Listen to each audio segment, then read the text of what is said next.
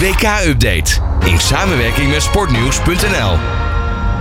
Een hele goede morgen en welkom bij deze WK-update in samenwerking met sportnieuws.nl van maandag 12 december. We gaan terugblikken op eh, de kwartfinales en uiteraard eh, uitgebreid stilstaan bij ja, toch die, die vechtpartij tussen Nederland en Argentinië. En dat ga ik doen met uh, Marcel Roes van sportnieuws.nl. Marcel, hele goede morgen. Goedemorgen Robert en uh, goedemorgen alle luisteraars. Um, ja, ben jij eigenlijk inmiddels al een, een, een beetje bekomen van uh, de domper van uh, afgelopen weekend? Het is altijd lastig om met uitschakeling van Nederland om te gaan. Kijk, we hebben een paar toernooien gemist. Dus dat is nog erger dan uitgeschakeld worden op zich. Maar dan voel je niet die stekende pijn. Als je gewoon het toernooi gaat volgen en misschien een ander land adopteert. Maar nu, vorig jaar Tsjechië 2-0, nu weer dit.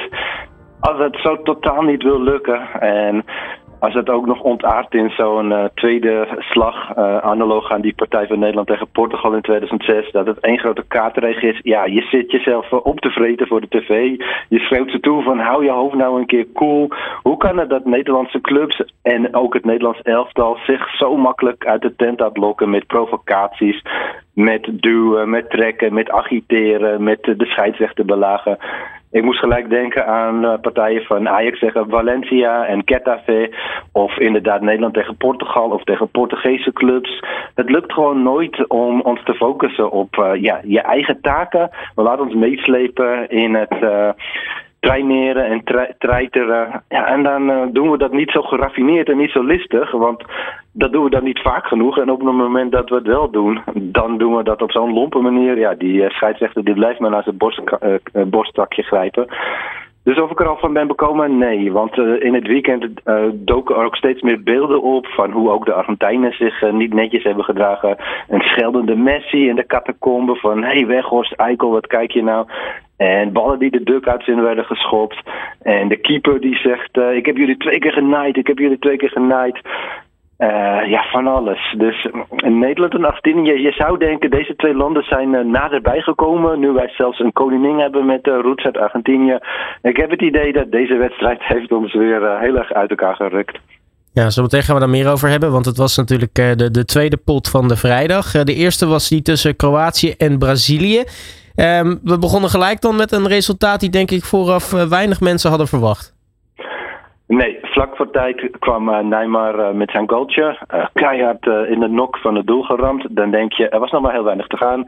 Een minuutje of tien. Als je, als je op de klokken keek, je weet natuurlijk nooit hoe lang tegenwoordig er wordt bijgerekt. Maar hij scoorde in de 106e minuut van de verlenging dus.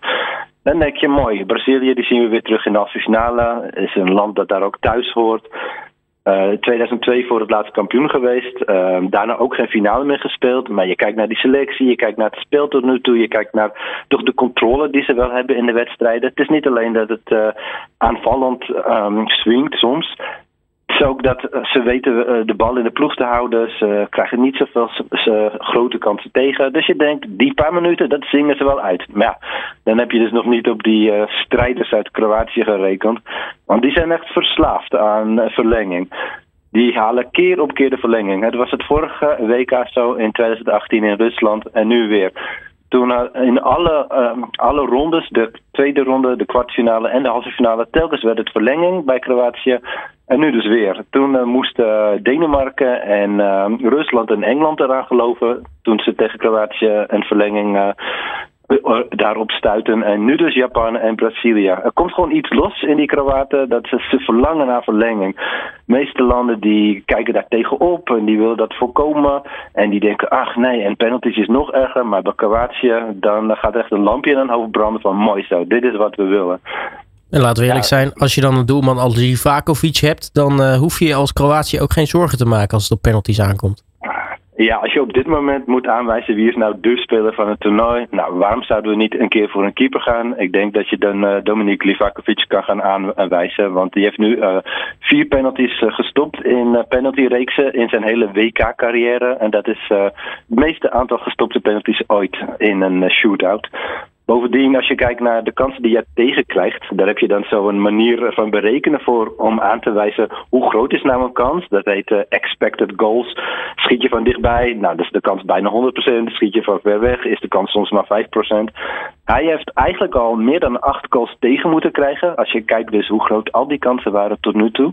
En hij heeft er maar drie tegen gekregen. Ja, je kan dus heel de, makkelijk aanwijzen. Wat is nou zijn waarde geweest? Vijf goals. Zijn waarde is vijf goals. Hij heeft vijf ballen die uh, uh, niet in, tegen de netten gekregen. Die uh, bij een andere keeper misschien wel in waren gegaan.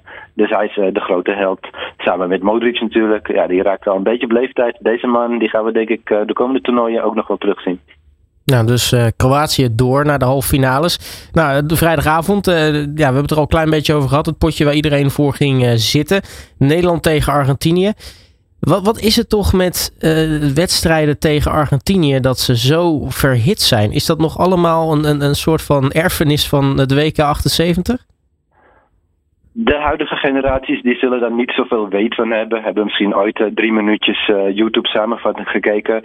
Nee, als je luisterde naar wat de Argentijnen hier na afloop over hadden te zeggen, blijkt dat ze enorm waren opgefokt door vooral de persconferenties van onze inmiddels ex-bondscoach Louis van Gaal. Want hij zei dingen als Messi, ja, geweldige speler aan de bal. Maar heeft hij niet de bal, dan speelt Argentinië eigenlijk met tien man. En een andere opmerking over het oefenen op strafschoppen. Van Gaal had gezegd: Ja, wij hebben nu een plusje. Want wij hebben daar enorm hard op getraind. En met wetenschappelijke begeleiding. En ook bij de club heb ik mijn mannen opgedragen. Doe elke trainingssessie ook even een blokje penalties. En je weet natuurlijk niet in welke vertaling precies is dat beland bij de spelers van Argentinië. Maar waarschijnlijk met een iets andere bewoording, met een iets andere toon dan gewoon vrij neutraal hoe Van Gaal het, eh, tegenover onze media, media heeft gezegd. En ze vonden dat het uh, provocatief was, ze vonden dat het arrogant was, ze vonden dat het neerbuigend was. Er staat ook nog wat oudzeer uh, jegens Van Gaal over zijn behandeling van Argentijnse spelers in zijn uh, clubverleden. Bijvoorbeeld bij Manchester United had hij niet zo'n goede band met Angel Di Maria, die er nu ook nog bij was. En zelfs helemaal twintig jaar geleden, het gaat echt uh, diep, had hij niet zo'n goede band met Riquelme bij Barcelona. En die had een bepaalde manier van juichen met die handen naast je oren. Zo van uh, bla bla bla, je klets maar wat. En dat is precies de manier van juichen die Messi nu pontificaal uh, voor de dugout van Oranje na ging doen. Puur om Van Gaal daaraan te herinneren. Dus het is niet helemaal zo diep als na 1978, maar het zit wel, uh, ja, het zit wel een historisch randje aan de frustraties van Argentinië. Vooral tegenover onze bondscoach. Want ja, op individueel niveau heb ik niet het idee dat deze twee spelersgroepen nou zoveel vrevel hebben of onderlinge irritaties. Het was meer dat die scheidsrechter die kon de boel niet onder controle houden. Was heel uh, onvoorspelbaar wat hij nou wel een kaart waard vond, wat hij nou niet een kaart waard vond. Kijk, aan Balk met opzet de duck-out heen rammen met uh, alle mogelijke schade van dien. Dat vond hij prima. En een handsbal van Messi, dat vond hij prima. Maar af en toe een opmerking richting een Nederlander over uh, het niveau van arbitrage, dat kon weer niet door de beugel. Dat werd weer afgestraft met een hoop kaarten. Vijftien spelers hebben een uh, kaart gekregen. En dat was uh, een record. Zelfs mensen op de bank hebben een kaart gekregen. Zelfs na afloop van de wedstrijd, toen de penalty shootout klaar was, heeft Dumfries nog een rode kaart gekregen ja, het is ongekend wat uh, hier allemaal is gebeurd. Ik ben heel benieuwd of we deze uh, scheidsrechter uit Spanje ook nog uh, op een hoog niveau wedstrijden toegewezen zien kregen. Want hij maakt er een beetje een janboel van. als beide partijen, zelfs de winnende partij zegt, deze scheids, deze man is een mafkees, dan weet je dat hij ja, de boel niet onder controle had. Ja, die Matteo Lajos uh, is, een typische Spaanse scheidsrechter. Iemand die de aandacht uh, helemaal naar zich toetrekt op een veld. En een beetje als een soort van uh, Napoleon over dat veld heen dartelt. Ik, we weten niet precies wat er met hem aan de hand was. Het kan de spanning zijn van het moment. Het is een stadion met meer dan 80.000 mensen. Het is een wedstrijd die door miljoenen op tv wordt bekeken. Ik heb niet in zijn hele geschiedenis gedoken. Heeft hij eerder uh, wedstrijden op dit uh, niveau op, met zoveel uh, belangen gefloten. Maar het zou wel zijn laatste keer kunnen zijn. Nu um, gebeurde er natuurlijk veel tijdens de wedstrijd. we zouden al haast bijna vergeten de briljante manier waarop we in de slotseconde nog de gelijkmaker maakten van de reguliere speeltijd. Ja, je geeft Nederland geen stuiver meer op dat moment. Maar uh, dat was uh, echt lekker pompen van de ballen in het laatste kwartiertje van, van die verlenging. Vergaal had Weghorst erin gebracht. Luc de Jong staat er inmiddels in. Nederland begon al aan de wedstrijd met een enorm lengtevoordeel. Het gemiddelde lengte van onze basiself was 1,85 ruim. En die Argentijnen hadden maar een gemiddelde lengte van 1,77. Dus je zit al op uh, bijna 8 centimeter voordeel, of ruim 8 centimeter. En dan breng je ook nog Weghorst in, die is bijna 2 meter. Uh, Luc de Jong is tegen de 1,90. Die jongens die zijn fris bovendien, want die zijn later ingebracht. Dus dan um, kom je op 2-2, euforie. Er waren niet heel veel Nederlanders in het stadion aanwezig, maar uh, de Oranje spelers zelf die pompten de sfeer lekker op ik dacht, ik geloof er nu wel in. Uh, met dit spel brengen we die Argentijnen kennelijk in verlegenheid. Uh, ze weten niet wat ze overkomt. Ze hebben dat lengtenadeel. We hebben het momentum. Ja, dan wordt afgefloten. De, de landen hergroeperen zich. Even een pep talk. En vervolgens gaat die verlenging van start. En het is al tam. En die bal die gaat de lucht niet meer in. En het tempo is eruit. En dan denk je, wat is er gebeurd? Waarom ga je terug naar het hele afwachtende... waarmee je op 0-2 achterstand bent gekomen? Ja, later legde Vergaal uit, maar spelers zaten wel doorheen. Het is een uh, energieslub, de manier van spelen. Het is ook een onnauwkeurige manier van spelen. Want met die lange ballen, je raakt hem ook vaak kwijt. Maar ik, had, eh, ik zelf dacht, ja, probeer het gewoon even. Kijk, kijk of je nog steeds die enorme paniek kan veroorzaken. En als je merkt dat het niet zo is, dan kan je weer terug naar het afwachtende. En het voelde voor mij aan als, uh, als een gemiste kans. Ja, uiteindelijk uh, dus penalties. Um, en, en, ja, je, je kunt oefenen op penalties wat je wil. Maar ook deze penalty shootout, denk ik, laat wel zien dat het toch een loterij is. Ik bedoel, Spanje, Spanje had uh, elke internationals huiswerk duizend penalties nemen meegekregen. Hebben erop geoefend, gingen er op penalties uit. Nederland heeft op penalties geoefend, gaat er ook gewoon uit. Ik mag aannemen dat elk land en elke club op penalties oefent. Want waarom zou je dat niet doen? Uh, alles wat je kan trainen, moet je trainen. Uh, Noppert, onze keeper Andries Noppert, zijn na afloop, terwijl hij door het hele programma van Louis van Gaal gaat, ook weer, ja, het is toch wel een loterij. Het blijft een loterij. Ja, dat is deels natuurlijk zo, want je neemt er maar vijf in de serie. Kijk, neem je er honderd en je hebt er keihard op getraind en je hebt geprobeerd die druk te simuleren, misschien maak je er 90 van de 100. Maar ja, je maakt er maar vijf. En als je in het geval van Nederland er maar drie van de vijf raakt, ja, dat is maar 60%. Is net even te weinig. Uh, normaal gesproken gaat 80% van de penalties erin. Maar dat percentage daalt significant op het moment dat er meer druk op komt. Zoals in de kwartfinale van een WK en uh, je staat misschien al achter. Of je moet de winnaar juist maken. Of je moet degene maken waarmee als jij hem niet maakt dat je land eruit ligt. Dan daalt het percentage rap naar misschien uh, wel onder de 50%. Maar je moet het denk ik zo zien als uh, het halen van je rijbewijs. Je gaat niet zeggen, ja dat examen, daar staat zoveel druk op. Ja, ik kan net zo goed geen les gaan nemen. Nee, dat slaat nergens op. Dus je moet wel blijven lessen. En ik denk dat je dan toch de kans dat je gaat slagen verhoogt. Maar het is nooit een garantie van 100%. En dan heeft het inderdaad ook nog te maken met wie is jouw tegenstander. Sommige landen die hebben daar misschien een soort aangeboren talent voor om die reeksen wel winnend af te sluiten. We hebben Kroatië al aangestipt. Ja, Argentinië die heeft ook hele mooie cijfers. Die hebben nu zes penaltyreeksen gehad op een WK. En dit was hun vijfde keer om te winnen. 5 uit 6. Dat klinkt een stukje anders dan Nederland. Nederland staat nu op 1 uit 4 op het WK. We hebben ook nog een paar EK-drama's. Alleen Spanje heeft het nog slechter gedaan dan Nederland met penaltyreeksen. Die hebben vier keer verloren, maar liefst. wij hebben nu dus drie keer verloren op een WK op penalties. Ja, helaas. Ik denk wel dat je je kans kan verhogen, maar het mocht niet zo zijn. Je zag dat Noppert dook voordat de ballen al was aangeraakt. Ja, dat is kennelijk hoe het hem is uh, geleerd. Ja, dat is misschien toch niet de beste manier. Misschien moet je toch een uh, keeper hebben die uh, reageert. Hoe, hoe weinig tijd je ook hebt. Want als je al gaat duiken, ja, zo'n speler, die kan dan op de keeper reageren. En dat lijkt me toch ja, een tikje makkelijker een penalty erin schieten dan als je moet gokken wat de keeper gaat doen. Ja, dus uh, wordt uiteindelijk, uh, nou ja, laten we zeggen, de, de, de slag om uh. Hè? In plaats van de slag om, om Nuremberg hebben we Nederland weer een, nieuw record te pakken qua vechtwedstrijd. nou ja, Nederland er in ieder geval uit. Um, gaan we door met de zaterdag, de, natuurlijk de andere twee kwartfinales. Ja, twee hele leuke wedstrijden, waarvan de eerste denk ik qua resultaat de meest verrassende is. Namelijk Marokko, die gewoon Portugal uitschakelt in reguliere speeltijd. Ja, Marokko won 1-0 van Portugal. Goal van Youssef en Nessiri. En vlak voor rust, vlak, in de 42e minuut. Daarmee werd Marokko het eerste Afrikaanse land ooit in de halve finale. Het hele continent juicht mee, maar ook het Midden-Oosten juicht mee. Dus we pakken gelijk twee regio's mee. We, spelen in een islamitisch land, in Qatar. Islamitisch land gaat naar de halve finale. is misschien toch een soort thuisvoordeel, omdat veel Qatari zijn inmiddels ook geswitcht met hun supporter, supporters zijn van Marokko. Ja, het was een wedstrijd waar je niet met heel veel plezier naar keek. Marokko verstaat de kunst van het verdedigen, zullen we maar zeggen. En die 1-0 die trokken ze over de streep. Ja, ze heten de Leeuwen van de Atlas. Ze trokken het over de streep als Leeuwen. Alle mannen achterin. Uh, lange ballen, ja, niet zo nauwkeurig spel. Ja. Verfijnd positiespel hoef je niet te verwachten op dit punt van Marokko. Maar het brengt ze helemaal naar de laatste vier. hun, hun spits, die ik net noemde, die heeft bij Sevilla dit seizoen maar twee goals gemaakt. Hij heeft er nu ook al twee in liggen op dit toernooi.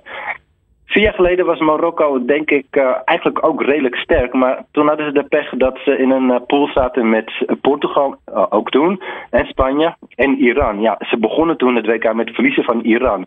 Dan wordt het natuurlijk een lastig verhaal met die andere twee tegenstanders. Voor de rest, wat is veranderd bij Marokko is, ze hebben inmiddels twee nieuwe bondscoaches gehad. De huidige en hiervoor die da daarmee boterde het niet met hem en een paar uh, mannen zoals uh, en uh, Masroui. Die zijn weer teruggehaald. Ja, dat zijn toppers. Dat zijn spelers die hun team bij de hand nemen. Ziyech is ondertussen de leider toch ook in het veld en uit het veld. Jaar terug hadden ze trouwens Hervé Renard, de man met zijn witte hemdjes, die we dit jaar ook weer terugzagen. Uh, nu hebben ze Walid Regragui, moeilijke naam voor ons. Die is nog maar net de bondscoach. Uh, nog, uh, nog niet eens 100 dagen. En hij heeft pas acht wedstrijden gespeeld als bondscoach. En dan staat hij nu in de halve finale. Dat is een lekkere manier om je carrière ergens te beginnen. Ja, Marokko. 14 van de 26 zijn niet eens geboren in Marokko. Dat helpt denk ik ook wel om uh, het een geliefd land te maken. Want uh, ja, er zijn meerdere landen in Europa, Nederland, uh, Frankrijk, Spanje, die nu eigenlijk ook een soort halve speler in die halve finale hebben. Het is denk ik ja, het, het sprookje van het toernooi. Dat weten we nu wel, ook als het nu misgaat in de halve finale. Dit is het grootste sprookje van dit toernooi. Het meest geliefde land, denk ik. De grootste verrassing, ook sinds tijden. Uh, anderzijds nemen we nu afscheid van uh, Cristiano Ronaldo. Hij is 37 jaar. Ik denk niet dat hij nog uh, een eindronde gaat meemaken. Ik denk dat ook volgend jaar, het, of over twee jaar, pardon, het EK zal denk ik te ver weg voor hem zijn. Los van de vraag wat hij zelf wil. Ja, je hebt ook een coach die keuzes moet maken. Hij voegt niet al te veel meer toe aan Portugal. Hij is ook gaandeweg het toernooi op de bank beland. Ook een beetje een nare statistiek wat betreft uh, knock-out wedstrijden op het WK. Hij heeft nul keer gescoord in zijn carrière. Terwijl hij heeft uh, eh, 570 minuten mogen spelen in die fase. 27 keer kunnen schieten en toch nul goals. Dus een beetje een roemloos einde wat betreft WK's voor Ronaldo. Maar hij heeft wel die EK-titel in 2016 dat is denk ik toch een, een mooie troost voor hem. Uh, om zijn interlandcarrière zo. Uh, hij is nu ook record international ooit van iedereen in de hele wereld. Niemand heeft meer interlands voor zijn land gemaakt dan hij. Ik denk dat het een mooi moment is voor hem om te zeggen: Oké, ik weet wanneer mijn tijd is gekomen en dat is nu.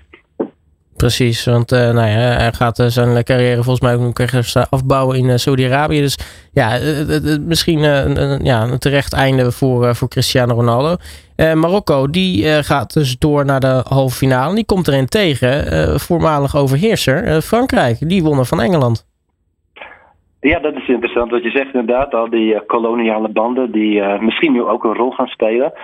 Uh, Frankrijk een beetje onterecht uh, langs Engeland gegaan met uh, 2-1. afstandsschot van uh, Chouameni. Kane kreeg een penalty, die maakte die. Ja, Giroud, die werkte me weer in. En vervolgens krijgt Kane een penalty. En die ging een aardig stukje over. Zo zie je maar dat het kan de beste overkomen. Want Kane is zeker geen beroerde penaltynemer. Ik denk dat het wel lastig is om twee penalties in, in reguliere speeltijd te maken. Want hij stond ten eerste tegenover zijn keeper, die hij ook uh, kent van zijn club, Tottenham Hotspur. Zijn gewoon collega's uh, in hun dagelijks leven. En ten tweede, ja, als je hem net uh, op een bepaalde manier hebt geschoten, En even later moet je nog een keer een penalty nemen.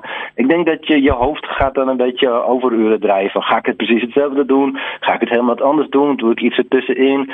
Ja, bij een penalty moet je denk ik niet al te veel denken. En je hebt misschien vooraf wel een plan gemaakt voor wat ga ik doen als ik één penalty krijg. Maar zal je vooraf ook hebben bedacht, dit ga ik doen als ik twee penalties krijg? Misschien, misschien niet. Misschien dat uh, iets, iets wat onvoorbereid naar de stip liep.